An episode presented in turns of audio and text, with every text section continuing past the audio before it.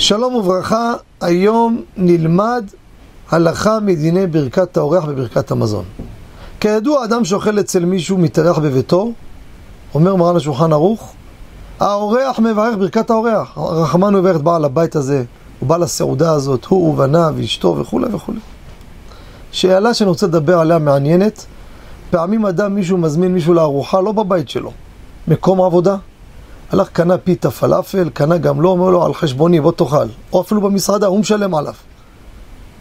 או אברך בכולל. בא, הביא איתו לחברים לאכול צהריים. אבל זה לא בבית שלו. האם יש לברך ברכת האורח בברכת המזון, או לא? שהרי לא התארחתי אצלו. הלכה למעשה, יש לברך ברכת האורח, אבל בנוסח הרחמן יברך את בעל הסעודה הזאת. לא יאמר וברך את בעל הבית הזה. בעל הבית הזה, הבית לא שלו. אם הייתי מתארח אוכל אצלו בביתו, אז אני מברך בעל הבית הזה. אבל כל עוד שזה לא בבית הזה, זה במקום אחר, אז אני מברך. תגיד לי, תברך את בעל הבית, מה אכפת לך? מה זה קשור לברכת המזון? תברך גם כן את השכנים. מה זה קשור?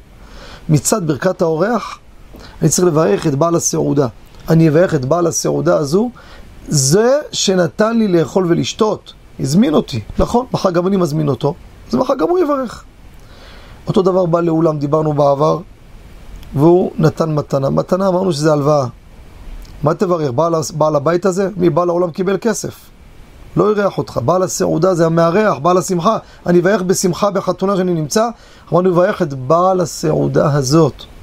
הוא ובניו, אשתו וכל אשר בבנים שחיו ונכסים שירבו וכולי, כל אחד כפי הנוסח שלו. אבל, כי אין פה דין של בית, יש פה דין של סעודה, ככה יעשה. יישר כוח וכל טוב.